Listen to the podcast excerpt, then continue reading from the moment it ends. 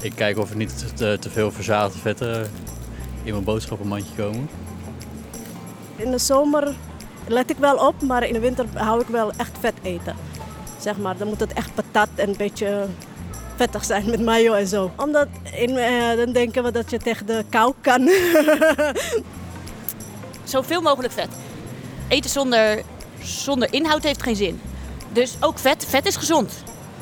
Ik kom niet aan. Dus ja, voor mij is het... Kijk, je let wel op. Kijk, ik hou van een lekker stukje chocola. Als ik dat zie, dan is het echt eh, vreselijk. Dat chips en uh, pindas, dat doet me helemaal niks. Maar als ik chocola zie, dan is het echt... eh, sorry. Vet is volgens mij hartstikke goed. Dus ehm, nee, daar let ik niet echt op. Ik koop juist geen producten waar light op staat of zo. Want volgens mij is dat ja, troep. Ja, ik geloof daar niet echt in. Ik denk vetten zijn goed, goede vetten dan. Maar ja, wat zijn dan goede vetten en wat niet? En kun je zonder? Tijd voor een vetonderzoek. Eh, vetonderzoek. Nou ja, vet dus.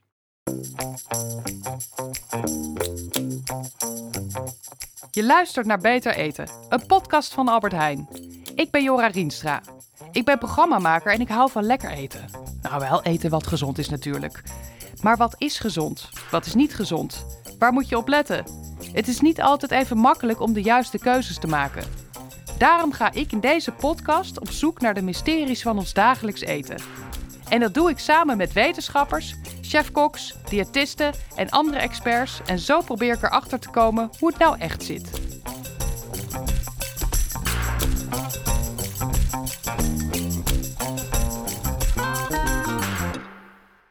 Vet dus. En vet heb je in veel verschillende soorten. Verzadigd, onverzadigd, transvetten, omega-3, vetzuren. Eh, ja, eigenlijk best wel verwarrend allemaal. Ik dacht altijd dat je zoveel mogelijk moest mijden. Aan de andere kant hoor je ook juist weer mensen die zeggen dat bepaalde vetten onmisbaar zijn. Maar welke zijn dat dan? Je komt vet namelijk in zoveel verschillende vormen tegen. Ik bedoel, je hebt boter, dat maak je van room.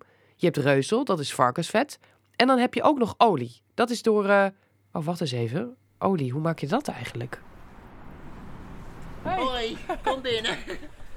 Hallo. Ik sta hier in een molen. Ja, nee, eigenlijk een hele oude molen als ik zo om me heen kijk. Wel enorm groot en hoog. Heel bijzonder om te zien. Eh, ja, bij molen denk je natuurlijk meteen aan, aan meel. Dat er eh, graan wordt vermalen tot meel waar je dan weer broden van kan bakken.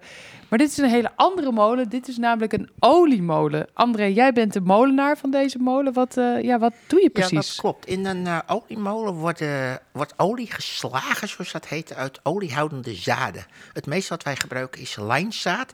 En vroeger werd ook nog wel raapzaad gebruikt. Maar eigenlijk alle zaden waar olie in zit, zou je in zo'n molen als dit olie kunnen slaan. Je haalt dus die, die zaden en daar ga je dan op slaan. Hoe werkt het? Eh, nou, je gaat de zaden eerst openbreken. En daarvoor hebben wij een eh koppel stenen. Daar kunnen we wel heel even naartoe lopen. Ja. We lopen nu even voor de prachtige houten vloer. Wat, hoe oud is deze molen? Eh, de molen is oorspronkelijk gebouwd in 1620. Zoals je nu staat, is hij ongeveer van 1751. Dat lijnzaad gaat met een bepaalde hoeveelheid onder die stenen. Die stenen die gaan er overheen. Die willen natuurlijk rechtdoor, dat kunnen ze niet, dus gaan ze wrijven. En daardoor wordt het lijnzaad stuk gewreven. En dat is eigenlijk alleen maar om te zorgen dat de olie er straks uit kan komen. Hier komt nog geen olie uit. Oké, dus ik zie twee ja, hele grote wielen. Echt, eh, ja, het is wel zeker twee, drie meter groot. En daar wordt dus de olie van gemalen. Eh, de, het lijnzaad wordt gemalen, waardoor je een soort meel overhoudt. En daar ga je uiteindelijk de olie uitslaan. Er zit aan de andere kant, die kan je nu net niet zien, zit een bak. Als ik die laat zakken, draait die mee. Gaat hier de schuif open en dan valt zo het meel in die bak. En dan heb je dat gemalen meel. En, en die, eh, hoe, hoe gaat dat dan verder in zijn werk? Want waar komt die Eh. olie nou uit uiteindelijk? Hebben we hier wat we noemen een vuister. Dat is gewoon een oventje. Daar, kunnen wij, daar stoken wij een vuurtje onder. Dat lijnzaad gaat erop. De molen laat het roerwerk draaien dat het niet aanbakt.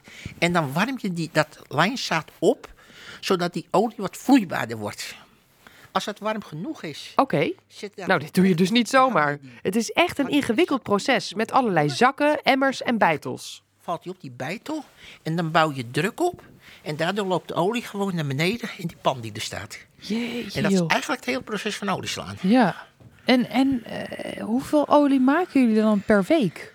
Uit drie kilo lijnzaad haal je grofweg een kilo lijnolie. Dus e- een derde. Ja. Ehm, vroeger werd er denk ik een paar honderd kilo lijnzaad op een dag verwerkt. Dus ik denk dat ze wel een 100 liter olie op een dag hadden. En, en waar wordt die olie voor gebruikt? Eh, vroeger eigenlijk voornamelijk voor de verfindustrie. Dus het is een eh, basis voor verf. Eh, later ook voor cosmeten en al dat soort dingen. Wordt tegenwoordig consumptief gebruikt. Lijnolie is op zich eetbaar. Ja. Vroeger werd het natuurlijk nooit zo gebruikt, maar tegenwoordig ja, zijn we erachter gekomen dat er wat meer dingen worden gebruikt. Nou, inderdaad. Sinds die mode is gebouwd, zo'n 250 jaar geleden, zijn we flink meer te weten gekomen over vetten.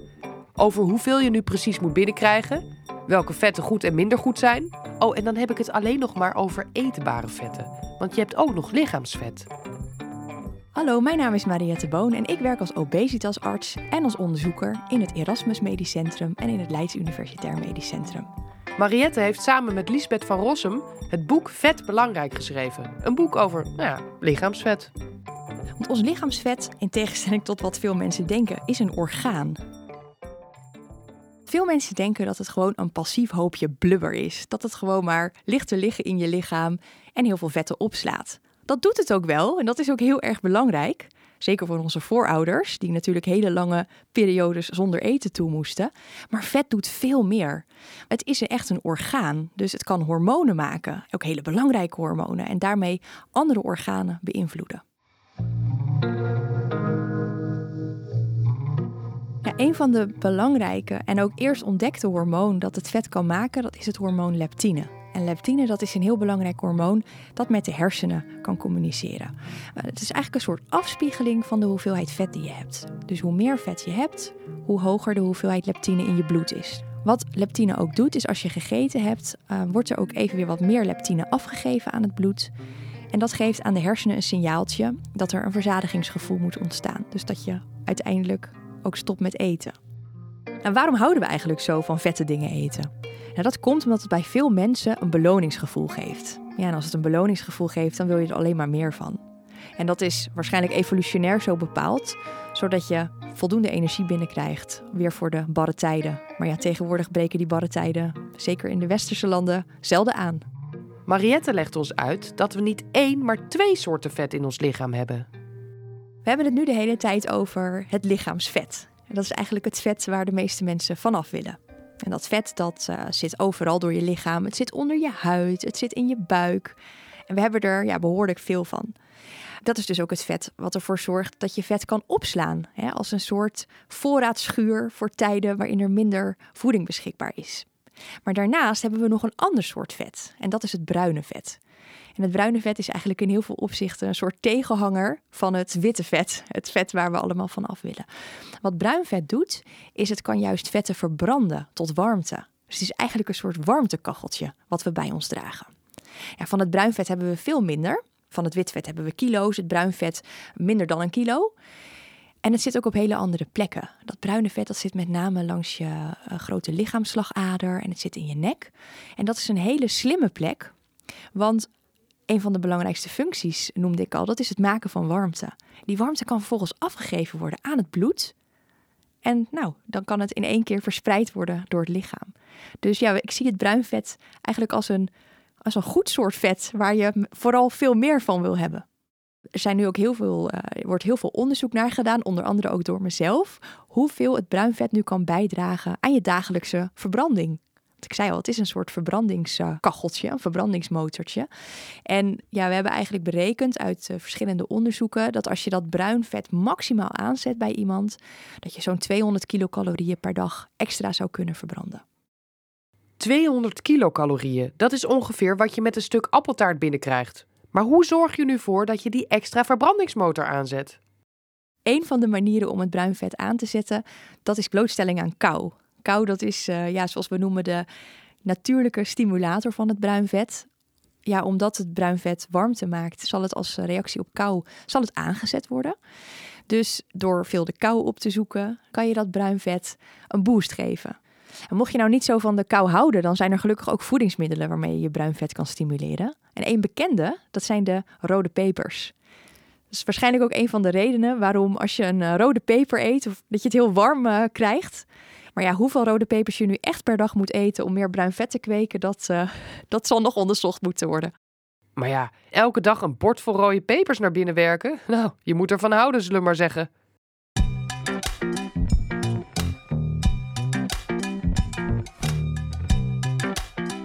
Het is dus goed om bruin vet te kweken. Toch horen we vooral om ons heen dat we voorzichtig moeten zijn met het binnenkrijgen van vet. Hoe zit het nou precies? We weten dat uh, wanneer je obesitas hebt, uh, dat dat kan leiden tot allerlei ziektes, zoals bijvoorbeeld suikerziekte en hart- en vaatziekten.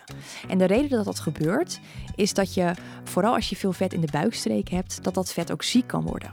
Dus wat, er, hè, wat je dan ziet, is dat er allerlei ontstekingscellen in dat vet gaan zitten die ontstekingsstofjes gaan maken. En die ontstekingsstofjes ja, die kunnen vervolgens in het bloed terechtkomen. Nou, die kunnen de vaatwand uh, doen ontsteken. Die kunnen zelfs naar de hersenen gaan om uh, een depressieve stemming te geven. Dus op die manier kan obesitas leiden tot verschillende ziektes. Aan de andere kant is te weinig vet ook niet goed. Dat kan zelfs levensgevaarlijk zijn. En dan heb ik het echt over zeer te weinig vet. Ik had het al even over dat hormoon, dat vethormoon leptine. Leptine zorgt er onder andere voor dat je een verzadigingsgevoel krijgt hè, door een eh, signaal aan de hersenen te geven. Maar leptine doet nog veel meer. Dus wat we bijvoorbeeld zien als mensen veel te weinig vet hebben en dus heel weinig leptine, dat het afweersysteem veel minder goed werkt. Oké, je hebt dus wit vet, waar je liever niet te veel van hebt, en je hebt bruin vet, dat juist goed is.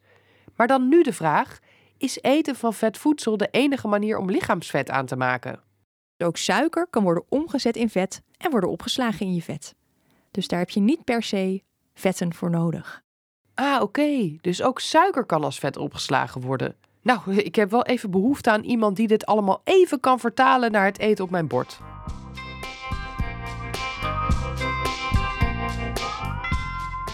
Hi, ik ben uh, Steffi. Ik ben afgestudeerd als diëtist. En ik ben ook onderdeel van mijn leefstijlcoach, waarin er meerdere coaches zijn. Steffi Hazen weet alles van vet in ons eten. En dat is fijn, want ik wil wel eens weten of vetten überhaupt in een gezond voedingspatroon passen. Jazeker. Vetten hebben in onze voeding hebben meerdere functies eigenlijk om gewoon ons systeem te laten functioneren. Um, en dat is eh, onze celopbouw natuurlijk. Uh, bijvoorbeeld cholesterol is ook nodig voor onze cellen om, om op te bouwen en in stand te houden. Maar ook onze vetten in onze voeding en de vetten in ons lichaam zorgen er ook voor dat onze voedingstoestand wordt beïnvloed. Dus of we honger hebben, of we verzadigd zijn. En er zijn meerdere manieren. Fijn! Een beetje vet is dus prima. Maar wat zijn gezonde vetten? Zitten die bijvoorbeeld ook in uh, slagroom of uh, hamburgers? Ja? 1 gram vet levert een bepaald aantal calorieën. Maar natuurlijk waar iets vandaan komt, dat maakt natuurlijk wel uit. Dus uh, plantaardige vetten zijn daarom de betere keuze. De dierlijke vetten, die mag je wel met mate toevoegen aan je voeding. Uh, Oké. Okay. Goede vetten zijn trouwens uh, bijvoorbeeld olijfolie. Uh, een, een, een, halve avocado is een portie bijvoorbeeld. Dat vind ik ook een handige. Een avocado is natuurlijk erg lekker, maar eet daar dan een halve van. Dat is één portie. Uh, bij het avondeten is bijvoorbeeld per persoon uh, ongeveer een eetlepel olijfolie voldoende. Dus ja, een normale portie van alles. Bijvoorbeeld één handje noten, een dun laagje pindakaas of notenpasta. dat is voldoende. Nou, als je dan iets dierlijks wil eten, dan is vis ook wel een heel goed idee. Omdat daar gewoon heel veel omega-3 vetzuren in zitten. Die zorgen dat ontstekingen ook tegen kunnen gegaan worden in ons lichaam. Uh, de aanbeveling is ongeveer één keer per week uh, vette vis. En vette vis is zalm, sardines, haring, uh, makreel. En ja, af en toe is eigenlijk wel aan te bevelen. Wat sowieso een goed idee is met vetten, is, is voornamelijk zoveel mogelijk soorten vetten ook met elkaar afwisselen. Want ja, de samenstelling van elk voedingsmiddel is toch net weer even wat anders. En er is net weer een andere combinatie met vitamine en mineralen en bijvoorbeeld vezels in een uh, voedingsmiddel. Dus om alle vetten binnen te krijgen, zorg vooral dat je lekker veel mixt en matcht en, uh, en, en lekker voor afwisseling zorgt. Afwisselend eten dus. Klinkt verstandig. Maar dan nog heel even over verzadigde en onverzadigde vetten. Moet je daar nu wel of geen rekening mee houden? Nou, er is best wel wat, wat discussie over verzadigd versus onverzadigd. En het is een, een hele periode lang is het handig geweest om die onderverdeling te maken. Maar wat ik toch ook wel merk in de praktijk is dat heel veel mensen dat het niet echt tot de verbeelding spreekt. Van, van wat is nou wel goed, wat is nou niet goed. Uh, en dat begrijp ik natuurlijk ook wel heel goed. En daarom zeg ik toch altijd: probeer gewoon te focussen op de, de plantaardige onverzadigde vetten, zoals olijfolie en de vetten die in noten zitten en in pitten en in zaden. Uh, en dan zit je goed. Nou, dat is niet ingewikkeld om te onthouden. Beter plantaardige of onverzadigde vetten dan dierlijke of verzadigde vetten.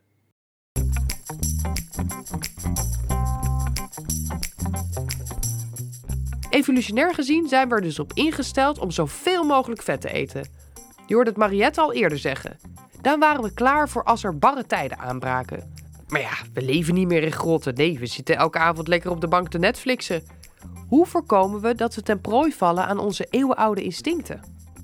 Er zijn meerdere manieren waarop je eigenlijk die hormonen en je vethuishouding en je energieverbruik positief kan beïnvloeden. Uh, daar heb ik wel een paar tips voor.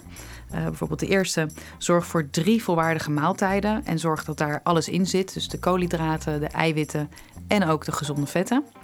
volgende tip is um, eet geen suiker. Als je ophoudt met suiker eten tussendoor en vooral focust op de combinatie tussen volkoren granen en dan ook dus pulvruchten. Die combinatie zorgt er ook voor dat je dus lang vol zit. Kies voornamelijk voor onbewerkte voedingsmiddelen. En ook een goed, goed begin van de dag is natuurlijk ook al heel erg fijn. Zorg dat er voldoende eiwitten in zitten. Uh, dus eet iets van ei of uh, zuivel of plantaardige zuivel. Um, voeg noten toe aan je ontbijt.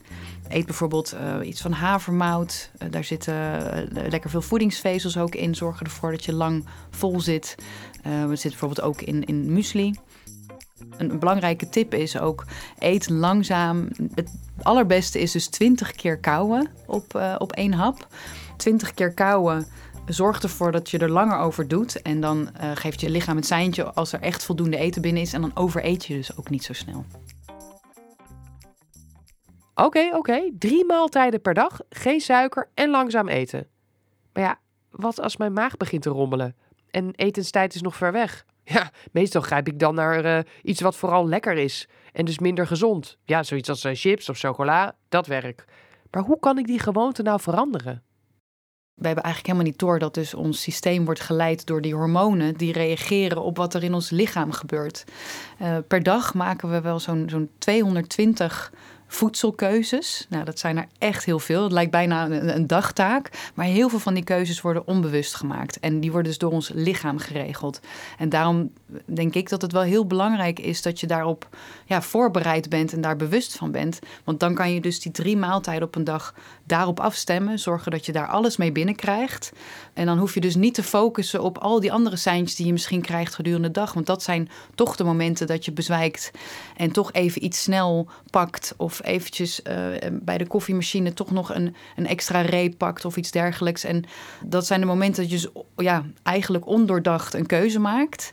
Terwijl je kan dat voor zijn met je drie maaltijden. Of je kan bijvoorbeeld ook zorgen dat je nog iets in je tas hebt of iets bij de hand hebt wat wel een gezonde keuze is. Zoals iets van fruit of uh, wat ongezouten nootjes en wat gedroogd fruit. Dat is namelijk een hele goede combinatie om ook eventjes je, je honger te stillen. Dus ja, dan, dan ben je er toch iets bewuster mee bezig en dan ben je dus niet zo overrompeld door trek. Oh, en Mariette heeft ook nog een bemoedigend advies.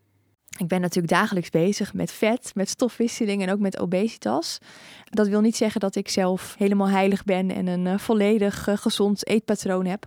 Nee, ik eet ook wel eens een patatje. Ik eet ook wel eens uh, chocolade, daar ben ik eigenlijk ook dol op.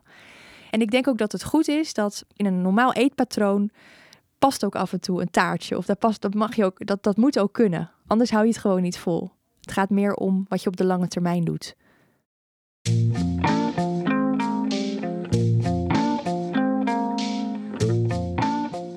Goed, wij weten nu in elk geval wat we moeten doen. Maar hoe zit dat bij de supermarkt? Ja, ik ben Arienne de Jong. Ik ben verantwoordelijk voor gezondheid van de producten binnen Albert Heijn. Wat we eigenlijk uh, continu doen is dat we onze producten verbeteren. En daar kijken we dus ook naar vet. En dan met name naar het verzadigd vet, want dat is het minder goede vet. En dat willen we ook zoveel mogelijk uit onze producten halen.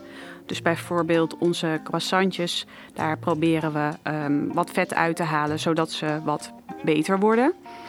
Mensen kunnen op het etiket zien hoeveel vet er in een product zit. En daarbij staat ook altijd uitgesplitst hoeveel van dat vet verzadigd vet is en hoeveel er onverzadigd vet is.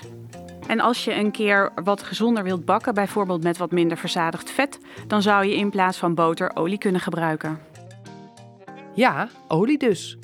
En nu we het daar toch over hebben, we gaan nog heel even terug naar André met zijn lijnzaadolie. Dat is dus hartstikke gezond omdat het plantaardig is. Naast lijnzaadolie maakten dit soort oliemolens ook raapolie. Dat dan weer wordt geperst uit raapzaad. Eigenlijk handiger omdat je er meer mee kunt. Raapolie is hetzelfde als koolzaadolie. En koolzaadolie is tegenwoordig ook om te, in te bakken en om te eten, ja. Je kan uh, olie heel grofweg op twee manieren maken. Je kan het echt puur persen, wat wij doen. En dat gebeurt in fabrieken ook wel. Je kan het ook extraheren, dat je met chemische processen de olie eruit haalt. En ja, dit is uiteindelijk ook een hele duurzame manier, toch? Uh, ja, klopt. In principe is het alleen uh, de wind die je gebruikt. Nou, aan de slag, André. Ja, even buiten kijken hoor.